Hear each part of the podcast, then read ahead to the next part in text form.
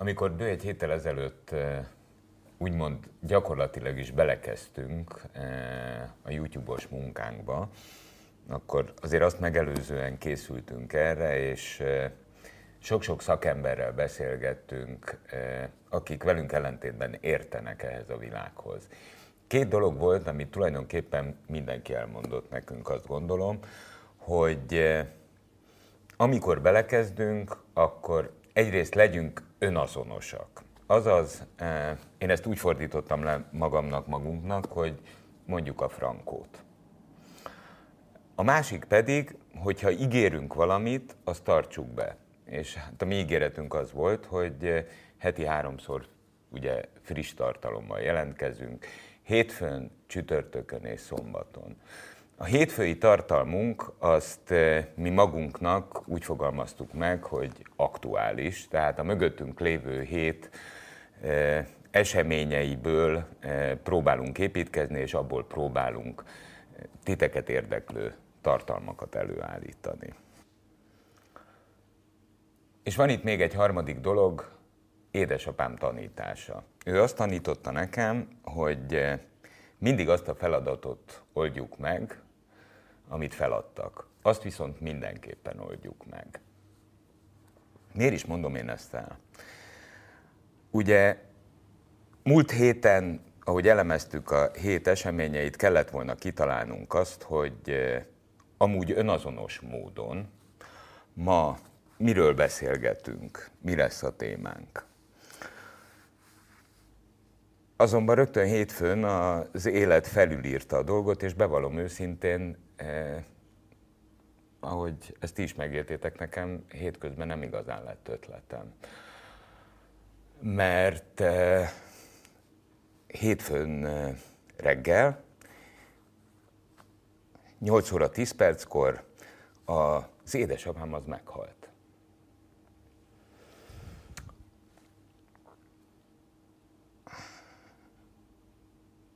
Viszont ugye tanított valamit. Föladnak egy feladatot, azt meg kell oldani. Nekünk volt egy vállalásunk, hogy eh, hétfőnként új tartalmat adunk.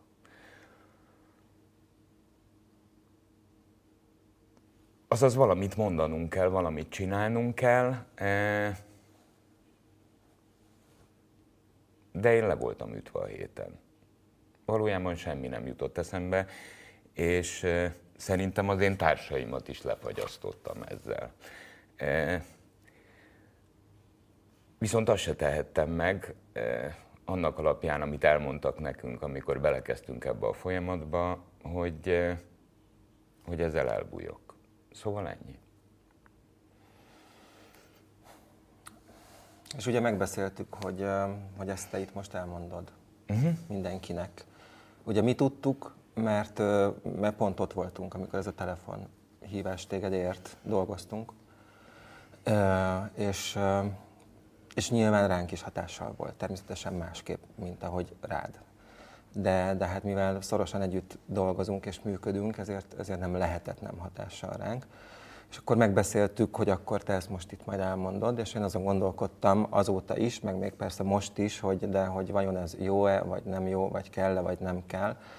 De egyébként arra jutottam magamban, és ezért tudtam végül is én viszonylagosan nyugodtan ideülni melléd ebben a pillanatban, mert, mert, mert azt gondolom, hogy egyrészt erről kell beszélni. YouTube ide vagy oda YouTube csatorna ide vagy oda. Mivel téged mindenki ismer ebben az országban, nyilván ilyen dolgokat nem lehet eltitkolni, szerintem nem is kell, szerintem nem is akartad volna. Hogy ezt mikor, hogyan tárod a nyilvánosság elé, ez meg abszolút a te döntésed volt. Ö, viszont, viszont, viszont szerintem erről iszonyú nehéz de, de, de, de muszáj beszélni. Tehát, tehát, hogy kell úgy egyébként, nem, nem konkrétan az édesapát haláláról, hanem a halálról, hogy e, ehhez hogyan viszonyulunk.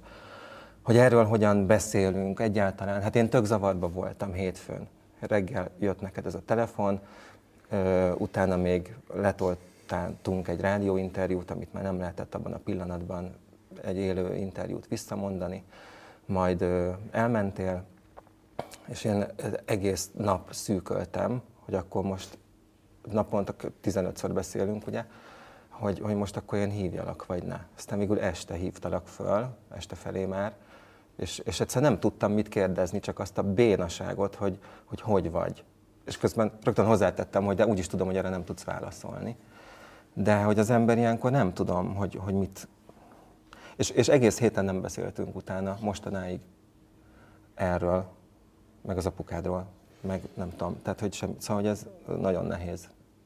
De kell, mert az emberekkel ez, meg, ez, meg, ez megtörténik, és, és mindenki csak zavarban van, meg, meg most mi is. Azt gondolom, hogy eh, mindannyian fel vagyunk rá készülve, eh, és ezért aztán mindannyiunkat felkészületlenül ér. Eh, és az ember természetesen utána ott és akkor játszik a gondolattal, megpróbálja nyugtatni magát, aztán nem sikerül, és, és szerintem ebben nincs szabály. Mindenkiben másképp csapódik le, egy kicsit értelmezhetetlen. Említetted a, a reggelt, a hétfő reggelt, amikor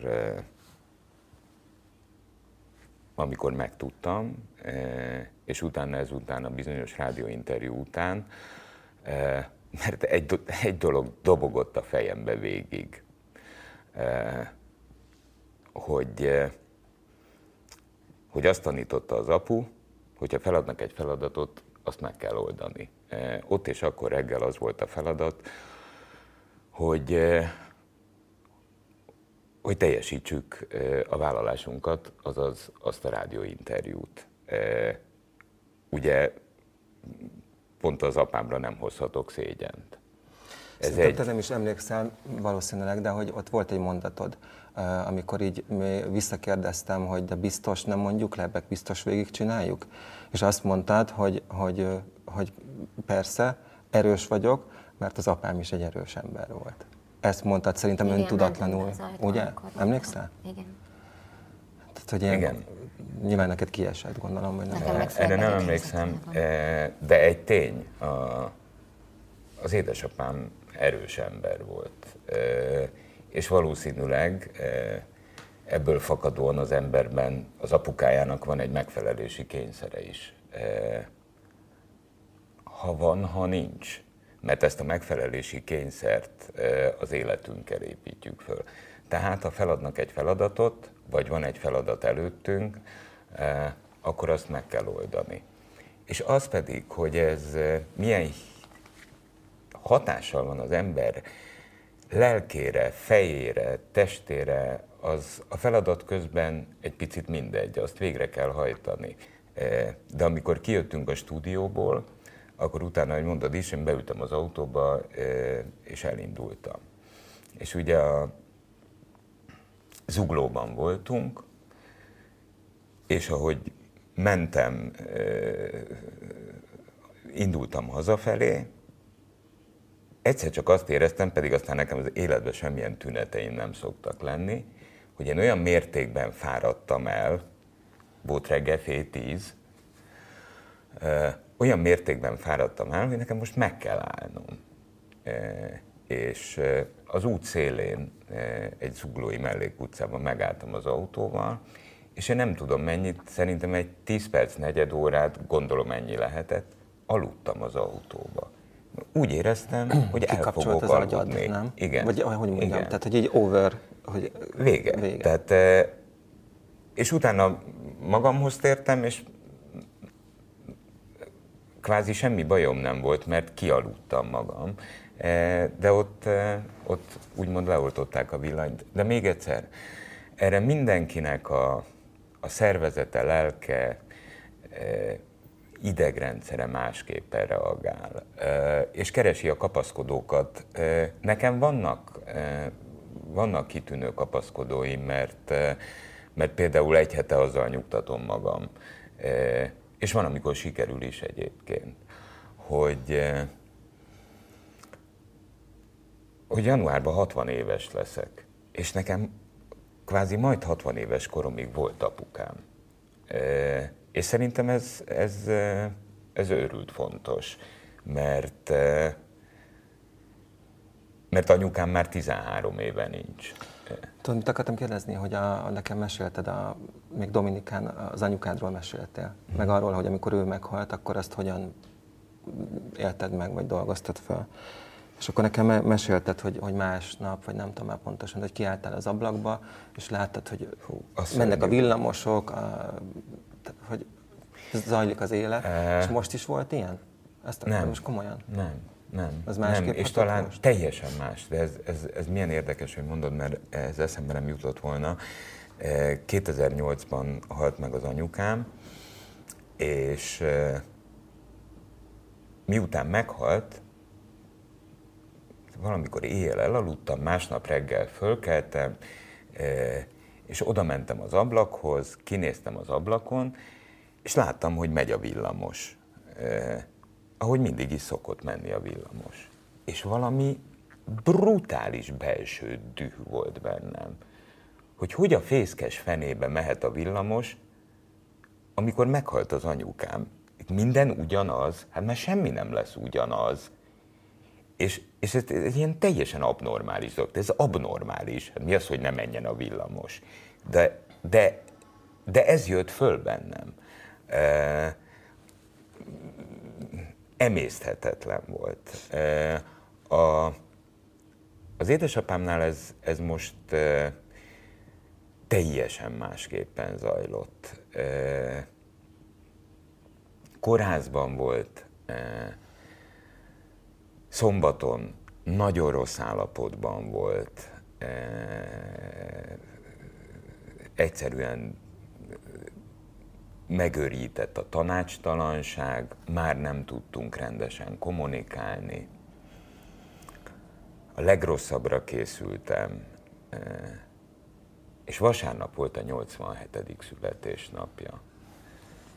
És, eh, és vasárnap, mintha a szombat nem létezett volna, mintha az előző napok nem történtek volna meg.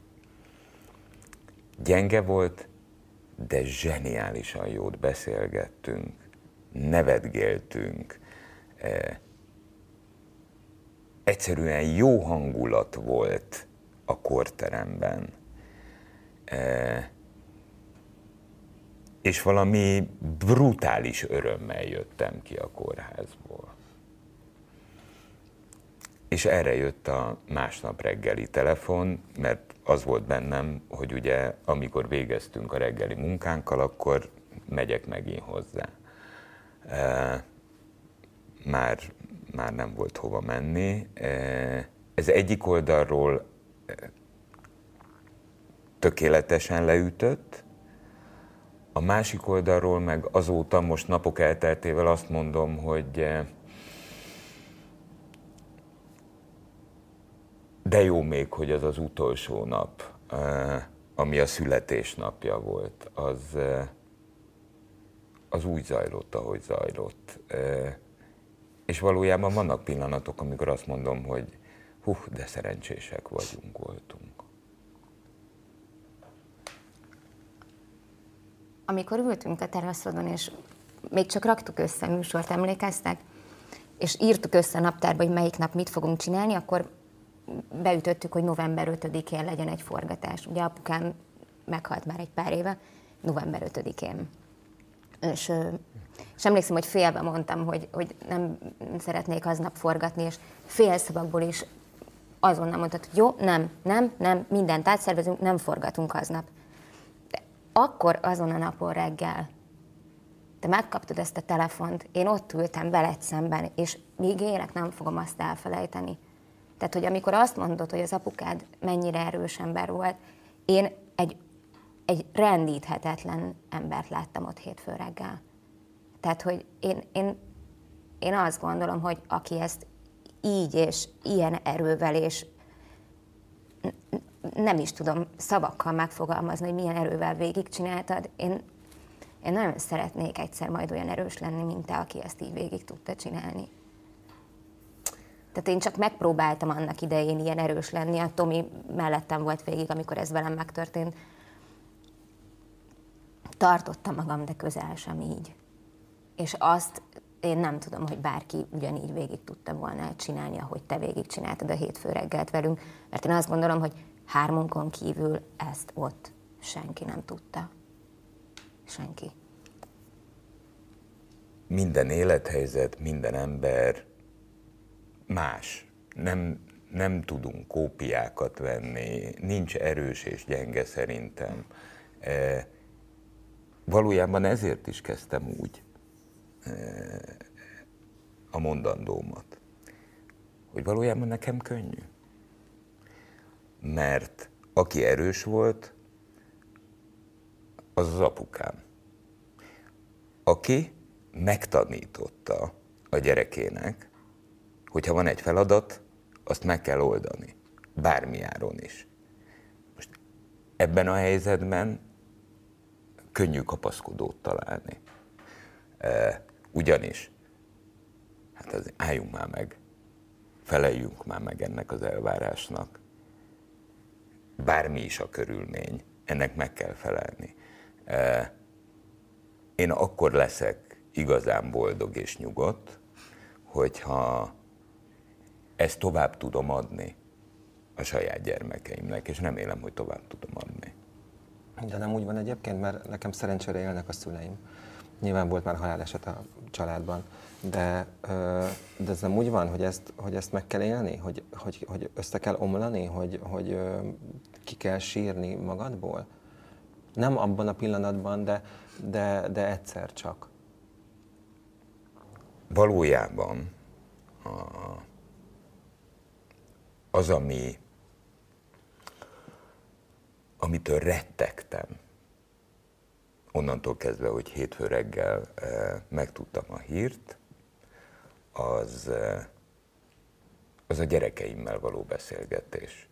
E, a lányommal és a két fiammal. Mert egyszerűen rettegtem tőle. E, attól, hogy nekik a nagypapájuk ment el és az én veszteségem az mindig, mindig háttérbe szorul azzal szemben, hogyha gyerekeinket éri valami veszteség. És a lányomnak elmondtam, hát ő azért egy 31 éves felnőtt nő, pont. Az volt egy beszélgetés, de azért attól is tartottam. Viszont a fiaimnak eh, nem tudtam elmondani eh, napközben rögtön az iskola után, mert még edzés volt, még nem, nem eh, tehát azt akartam, hogy otthon legyünk, és este mondjam el nekik. Na, szóval ettől féltem. De mivel az elmúlás az életnek a rendje nem feltétlenül ebben a helyzetben, ezekben a helyzetekben az ember néha fölsikolt magába, hogy nincs ez jól kitalálva, de ettől még ez így van kitalálva. Szerintem ezt mindenkinek a szervezete, az ösztönrendszere valahogy átvergődik rajta, Eh, hogy ez mennyi ideig tart,